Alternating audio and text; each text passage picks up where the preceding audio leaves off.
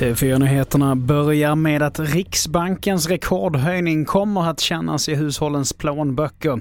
Men allt är inte nattsvart. Det vi har sett som är positivt är att inflationen har inte stigit riktigt lika kraftigt som sistone. Att det, det finns förväntningar i vår omvärld, framförallt USA, där man ser att inflationen börjar plana ut, vilket har väckt förhoppningar om att kanske det är inte så många räntehöjningar till som behövs för att det här ska liksom börja ge med sig.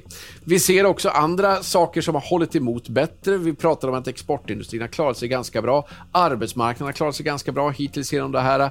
Så att det finns alltid, det är sällan så i ekonomin. Vi, vi har en tendens i media att måla allting väldigt svart eller väldigt vitt. Och här hörde vi TV4-nyheternas expert Jens B Nordström.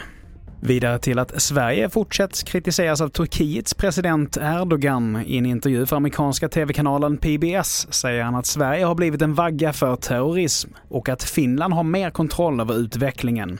På frågan om Turkiet tänker blockera Sveriges NATO-ansökning svarar han dock inte. Till sist, just nu så håller parterna på hyresmarknaden på att förhandla om nästa års hyra för Sveriges 1,5 miljoner hyresrätter, det rapporterar Ekot.